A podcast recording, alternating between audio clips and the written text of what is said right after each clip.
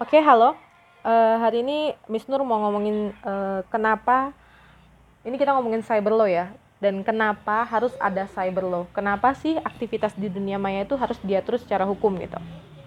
Jadi ini yang saya sampaikan adalah uh, satu konsepsi teori dasar dari tujuan dan fungsi hukum itu sendiri. Uh, ini adalah pemahaman kita bersama gitu ya, pemahaman masyarakat hukum tentang atau bagaimana hukum itu diperlukan. Jadi tujuan dari hukum ada tiga, keadilan, kepastian, sama kebermanfaatan. Nah, harapannya dengan diaturnya aktivitas di dunia maya, satu, memberikan kepastian apa yang boleh dan tidak boleh dilakukan ketika kita melakukan aktivitas di dunia maya. Yang kedua, memberikan keadilan sehingga gitu ya Bila satu orang gitu dihukum atas satu kejahatan yang ada di dunia maya yang dia lakuin, orang lain juga akan dihukum dengan hal yang sama. Kalau dia memenuhi unsur-unsur yang diatur dalam peraturan yang melarang tindakan tersebut. Dan uh, pihak lain pun memperoleh perlindungan, memperoleh uh, kenyamanan gitu. Oh, berarti uh, dalam melakukan aktivitas di dunia maya saya nggak bakal diganggu nih karena tindakan tersebut dilarang. Itu masalah keadilan. Yang ketiga, kebermanfaatan. Jadi ya semak, uh, saya juga udah bilang di podcast saya gitu ya bahwa dengan adanya perkembangan teknologi ini sangat membawa kebermanfaatan uh, bisa dibilang gitu ya kalau kita ngomong secara sederhana mendekatkan yang jauh itu.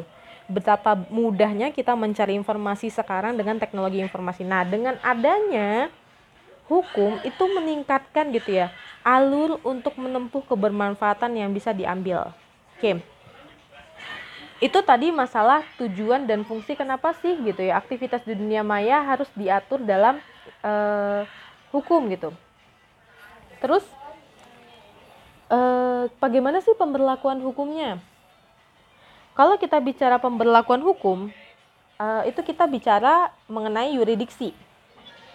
Jadi yuridiksi merupakan kekuasaan atau kompetensi negara terhadap orang, benda, atau peristiwa terhadap bentuk-bentuk kejahatan di dunia maya. Nah, ini karena kita ngomongin cyber law ya. Jadi dia merupakan kekuasaan atau kompetensi negara atau uh, entitas lah terhadap orang, benda dan peristiwanya. Khususnya yang bersifat internasional maupun transnasional. Jadi kalau di hukum pidana nih ya, karena kita ngomongin cybercrime yang lebih banyaknya, erat banget kan sama hukum pidana ada beberapa yuridiksi, yaitu prinsip teritorial, dia lihat wilayahnya, prinsip personal, dia lihat orang yang melakukannya, itu juga ada yang namanya nasionalitas. Dia juga lihat prinsip-prinsip perlindungan dan prinsip universal.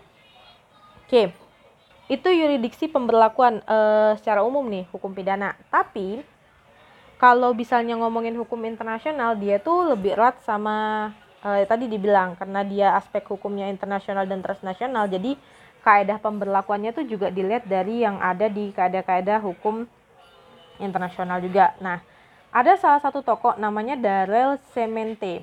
Jadi Darrell Semente ini dia punya beberapa teori yang untuk menjelaskan pemberlakuan hukum di cyberspace.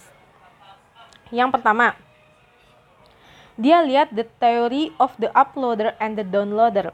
Jadi teori ini memberikan pengertian uploader adalah pihak yang mengunggah, yang memasukkan informasi ke dalam internet. Sedangkan downloader adalah pihak yang mengakses atau mengunduh atau mengambil informasi dari internet. Suatu negara dapat melarang suatu, e, kegiatan uploading maupun downloading yang diperkirakan bertentangan dengan kepentingan negara. Itu satu, dilihat dari aktivitasnya. Yang kedua, dilihat dari lokasi penyimpanan atau server. Ini namanya the law of the server. Pendekatan lain yang dapat digunakan adalah kedudukan atau lokasi server dari web page, di mana mereka mencatat atau diregistrasikan sebagai data elektronik. Misal, server yang ada di Universitas Stanford, maka dia akan tunduk pada hakim California. Namun teori ini sulit digunakan apabila uploader berada dalam yuridiksi negara asing. Oke. Teori yang ketiga menurut Darrell Semente, Theory of International Space. Nah, jadi di hukum internasional itu ada yang namanya dimensi keempat atau uh, fourth space atau fourth dimension. Jadi diusulkan cyberspace itu masuk dalam situ. Selama ini yang masuk dalam fourth space-nya fourth space atau fourth dimension-nya hukum internasional itu adalah ruang angkasa. Ini sesuai dengan uh, prinsip yang ada di hukum internasional yaitu prinsip sovereignless quality. Oke. Okay. Sebagai perbandingan gitu ya, selain tadi tiga teori yang saya bilang oleh Daryl Semente, ada teori of offloader dan downloader, ada the law of the server, sama the theory of international space. Ada juga uh, ini khusus dalam penyelesaian kasus-kasus nama domain. Setidaknya ada dua yuridiksi. Uh, ini masalah domain, jadi ada dua. Yang pertama personal jurisdiction, terus yang kedua in rem jurisdiction uh, bisa kalian uh, cari. Kalau intinya personal itu dia ngelihat orangnya. Dia ngelihat uh, pelakunya. Tapi kalau in time jurisdiction dia ngelihat kewilayahannya. Dalam hal ini ada dua kriteria untuk yurisdiksi in rem yaitu satu di mana domain diregistrasikan. Yang kedua di mana dokumen dapat diakses atau dipunyainya sama siapa dokumennya. Oke. okay itu tadi e, masalah yuridiksi di dunia e, cyber. Nah, kalau di Indonesia gitu ya kan cyber ini cyberspace ini kan kelihatannya pengaturannya yang paling utama adalah Undang-Undang ITE.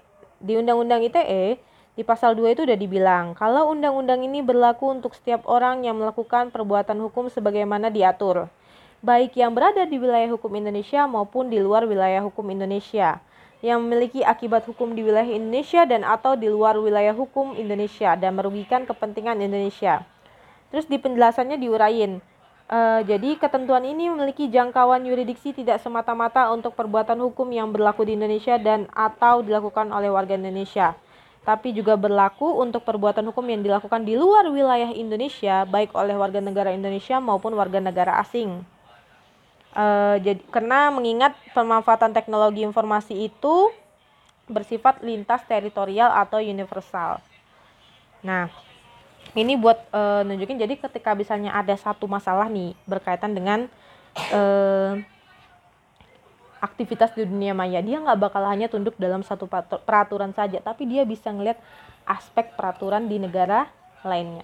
Oke, itu yang bisa saya sampaikan berkenaan dengan eh, pengaturan hukum dan juga pemberlakuan hukum yang ada berkenaan dengan cyber law dan cyberspace dan juga cybercrime sebagai kejahatan yang diatur. Oke, semoga yang saya sampaikan uh, bisa bermanfaat. Terima kasih sudah mendengarkan podcast ini.